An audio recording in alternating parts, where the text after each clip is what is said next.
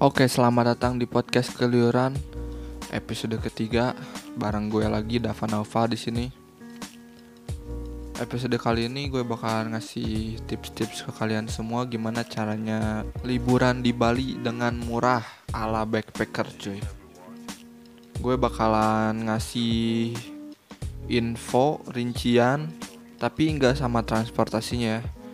Transportasinya kan bisa kalian pakai kendaraan pribadi atau mungkin sewa gue nggak tahu. Tapi yang jelas di sini gue bakalan ngasih tahu spot-spot foto wisata yang lo harus datengin waktu ke Bali. Mungkin lo bingung gitu harus ke mana.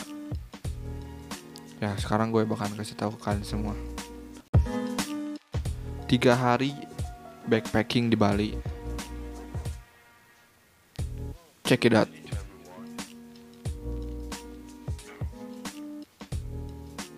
langsung aja ke hari pertama.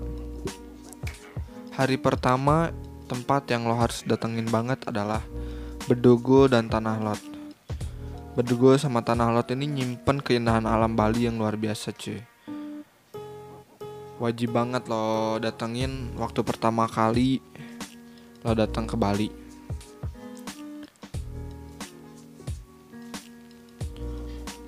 Bedugo terletak di altitude yang cukup tinggi dan merupakan daerah yang dingin. Kalau lo datang ke sini pagi-pagi banget, lo bisa foto-foto dengan pemandangan yang jadi kayak awan-awan gitu kabutnya. Terus kalau di Tanah Lot itu tempat yang terbaik banget menurut gue kalau mau ngeliat sunset background matahari terbenam pasti bikin feed Instagram lo makin kece keren lah. Oke, dari awal ya. Dari pagi-pagi banget. Hari pertama nih. Misalkan lo bangun jam 8 terus siap-siap berangkat jam 9, lo harus banget ke Pura Ulun Danu di Beratan. Lo coba deh lihat uang 50 ribuan yang gambar pura itu. Nah, itu cuy Pura Ulun Danu yang udah terkenal banget orang orang-orang foto di situ terus samain sama uang 50 ribuan itu. Lo harus wajib banget ke sana buat foto-foto. Keren banget deh. Terus mumpung lo ada di Pura Ulun Danu lo bisa nyewa jukung cuy atau kapal kecil untuk muterin dan danau itu. Terus lo bisa foto-foto deh di Jukung itu atau di kapal kecil itu. Biaya masuk ke Pura Ulun Danu adalah 20.000 per orang. Itu lokal ya. Kalau orang Swedia sih beda lagi harganya. Terus parkir mobil 5000, kalau parkir motor gua nggak tahu deh. Terus abis jalan-jalan di situ sejam atau dua jam gitu lo berangkat ke pintu gerbang Bali Handara. Nah, ini sebenarnya lokasi pintu gerbang e, masuk komplek Hotel Bintang 5 namanya Bali Handara and Golf Course. Course. Nggak tau lah, course course. Banyak banget bule bule-bule yang bakal lo, lo lihat di situ yang foto-foto sampai jadi spot populer buat wisatawan mancanegara ataupun lokal tapi yang bikin nyesaknya cuy di sini kalau foto 10 menit harus bayar 20.000 ya lumayan lah lo foto-foto di tempat yang ikonik ini kan. Terus abis foto-foto di sana lo bisa langsung ke danau Tamblingan. Lo berangkat lagi ke danau deh buat ngelihat pemandangan pemandangan yang ny paling nyesek sih sebenarnya. Soalnya di danau itu sering banget dipakai buat foto prewedding. Jadi buat kalau yang jomblo gitu mendingan skip deh tempat wisata ini gitu kan. Tadi udah ke uh, Pura Danu kan Pura Ulun Danu. Jadi kalau buat lo yang jomblo skip aja deh. Soalnya banyak banget yang foto prewedding di sini. Cakep-cakep banget fotonya. Terus kalau lo udah dari Danau Tamblingan lo bisa datang ke Wanagiri Hill uh, buat dapetin spot foto yang berbeda cuy. Ini spot foto yang beda banget. Soalnya lo bakal disediain fasilitas menyerupai sarang burung raksasa buat lo foto di situ. Terus ada juga jembatan uh, dan masuknya bayar 10.000 per orang pemandangannya sih danau juga tapi ini di atasnya danau gitu. Terus abis dari Wanagiri Hill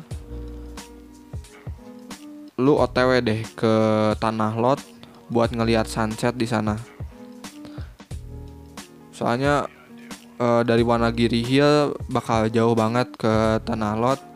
Jadi lo harus buru-buru supaya nggak ketinggalan sunset di sana. Tanah Lot uh, tempat ikonik yang lainnya di Pulau Bali. Ngelihat sunset di sana kayaknya pas banget gitu buat lo yang sama pasangan atau ya lo yang sendirian gitu pengen tenang gitu pengen ngelihat alam yang indah sambil minum es kelapa muda gitu. Di sini cocok banget sih. Terus uh, destinasi di Pura Tanah Lot yang harus lo datengin selanjutnya adalah goa yang berisi ular putih. Konon katanya kalau lu nyentuh ular ini, lo bakalan dapet rezeki yang bagus. Wih, gila. Tuh yang buat yang mau kaya, lo harus nyentuh ular di sana. Tapi awas jangan sampai ke patuk. Oke, itu day one dari pagi sampai sunset gue udah kasih tahu destinasi apa aja yang harus lo datengin waktu di Bali. Lanjut ke hari kedua. Hari kedua lo harus ke Ubud.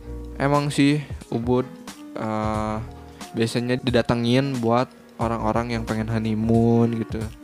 Tapi jangan salah solo traveler atau lo yang backpack backpackeran ada banyak tempat wisata di Ubud yang nawarin pemandangan alam yang cantik dan murah meriah itu kan yang lo cari-cari. Murah meriah. Oke. Hari kedua jam 9 pagi.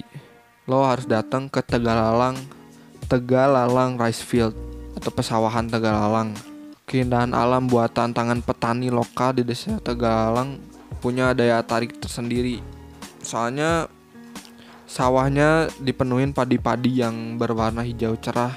Kalau kalau musim panen ya kalau musim setelah panen mungkin udah jadi coklat atau gimana gitu gue nggak ngerti sih. Terus ada beberapa cafe yang ada di pinggir Tegalalang di mana lo bisa nikmatin ngopi-ngopi gitu atau sarapan sambil ngeliatin pesawahan yang jarang lo temuin kalau di kota-kota besar terutama Jakarta Terus lo juga bisa beli oleh-oleh di sini di Tegalalang khas Ubud gitu. Buat keluarga lo mungkin yang udah bilang semenjak lo pergi oleh-olehnya ya jangan lupa lo bisa beli di sini coy. Terus abis te dari Tegalalang, abis ngopi-ngopi atau sarapan, lo berangkat ke Monkey Forest. Lo bisa foto-foto sama saudara-saudara lo di Monkey Forest tempatnya seluas 10 hektar dipenuhi lebih dari 600 ekor monyet dan 115 spesies pohon-pohonan raksasa. Wih, gila lestari banget ya.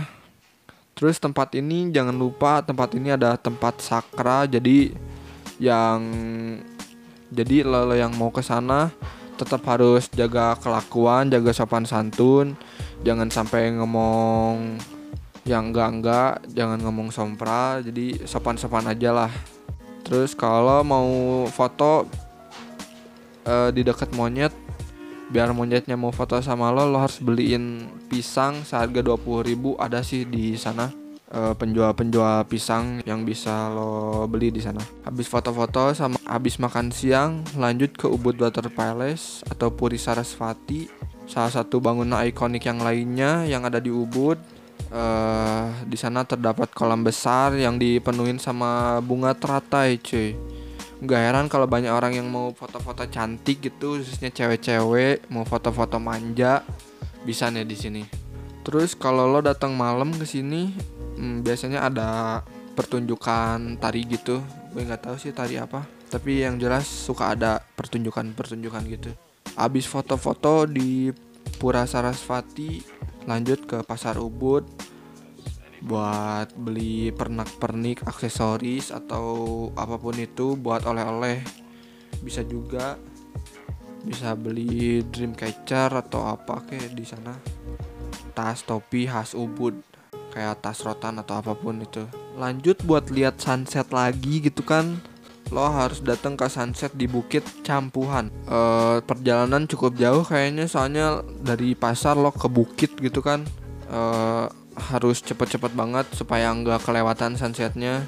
Soalnya kalau mau ke bukitnya lo harus trekking dulu cuy. Terus bukit ini kalau warga lokal nyebutnya Bukit Cinta. Soalnya banyak banget yang berduaan setiap sore di sini, manja-manja gitu kan. Terus yang unik dari Bukit Campuhan atau Bukit Cinta ini kontur yang tanahnya naik turun dan dijepit dengan dua buah lembah. Wah kalau di foto dari jauh pasti bakal bikin foto lo lebih dramatis yang jelas lebih keren lah nah itu day 2 hari kedua dari pagi sampai sore gue udah kasih detailnya lo harus ke mana aja.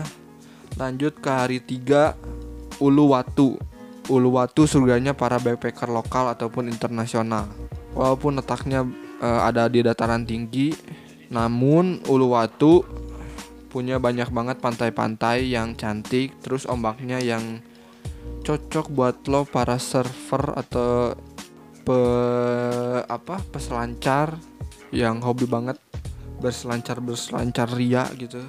Melihat ombak tinggi dikit pengennya selancar gitu. Cocok nih ke Uluwatu yang pertama mulai dari jam 9 lagi lo harus datang ke pantai Melasti e, kembarannya pantai Pandawa. Sama-sama di sisi kirinya ada tebing-tebing kapur yang bikin pemandangannya lebih keren gitu foto-foto di sana. Terus hamparan laut yang luas. Terus di sini beda sama pantai Pandawa soalnya di sini lebih sepi. Ya lo harus ke pantai Melasti. Yang pantainya cukup bersih. Terus lo kalau mau foto yang paling keren spot foto paling keren di pantai Melasti lo harus foto di spot yang paling tinggi di pantai Melasti. Di bukit-bukit gitu lo pasti ah keren banget sih. Habis dari pantai Melasti lanjut ke Batu Jaran Hill. Tempat yang kal yang satu ini jarang banget dikunjungin wisatawan soalnya nggak banyak yang tahu lokasi ini. Uh, warlock warga lokal juga jarang banget yang tahu uh, tempat wisata yang satu ini. Soalnya nggak terlalu kelihatan gitu. Tapi kalau lo udah ke sini lo nggak bakal nyesal. Soalnya bakal diliatin pemandangan yang super super keren. Terus abis dari Batu Jaran Hill makan siang, lo terserah deh makan di mana. Abis makan siang ke lo harus banget ke Pantai Bingin. Pantai Bingin pantai yang tersembunyi di daerah Uluwatu sama kayak Batu Jaran tepatnya agak susah diakses. Terus nggak banyak orang yang tahu lokasinya. Warga lokal pun jarang yang tahu. Tapi kalau udah, sampai di sini lo bakalan terkesima sama pemandangan yang cantik banget. Terus pasirnya bersih, jarang ada sampah. Terus lagi-lagi buat lo yang suka surfing di sini ombaknya gede banget. Nggak heran kalau banyak bule-bule yang niat banget datang ke Indonesia buat ke Pantai Bingin buat surfing habis dari pantai Bingin mau lihat sunset lagi atau mungkin lo mau pulang siap-siap buat balik lagi ke kota masing-masing gitu kan? E, bebas sih. Tapi gue rekomendasiin lo lihat sunset dulu di, di di pantai Tegalwangi sama kayak danau Tamblingan. Pantai Tegalwangi jadi lokasi langganan buat fotografer pre-wedding buat buat ngasilin foto-foto yang ciamik gitu kan. Buat foto-foto yang keren. Apalagi sunset gitu. Terus ada deretan hotel bintang 5 buat jadi pemandangan yang uh momennya nggak bakalan bisa lupain deh. Nah udah udah gue jelasin dari hari ke satu sampai hari ketiga mungkin tempat-tempat wisata itu kan ada yang bayar ada yang enggak. Nggak kan habis 500 ribu lah. Belanja pun gitu.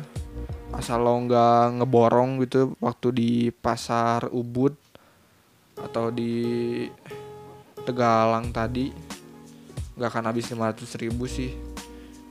Inilah tips dari gue tips keluyuran di Bali ala backpacker murah jadi so buat lo yang mau ke Bali mau murah-murah meriah gitu lo bisa ikutin tips dari gue.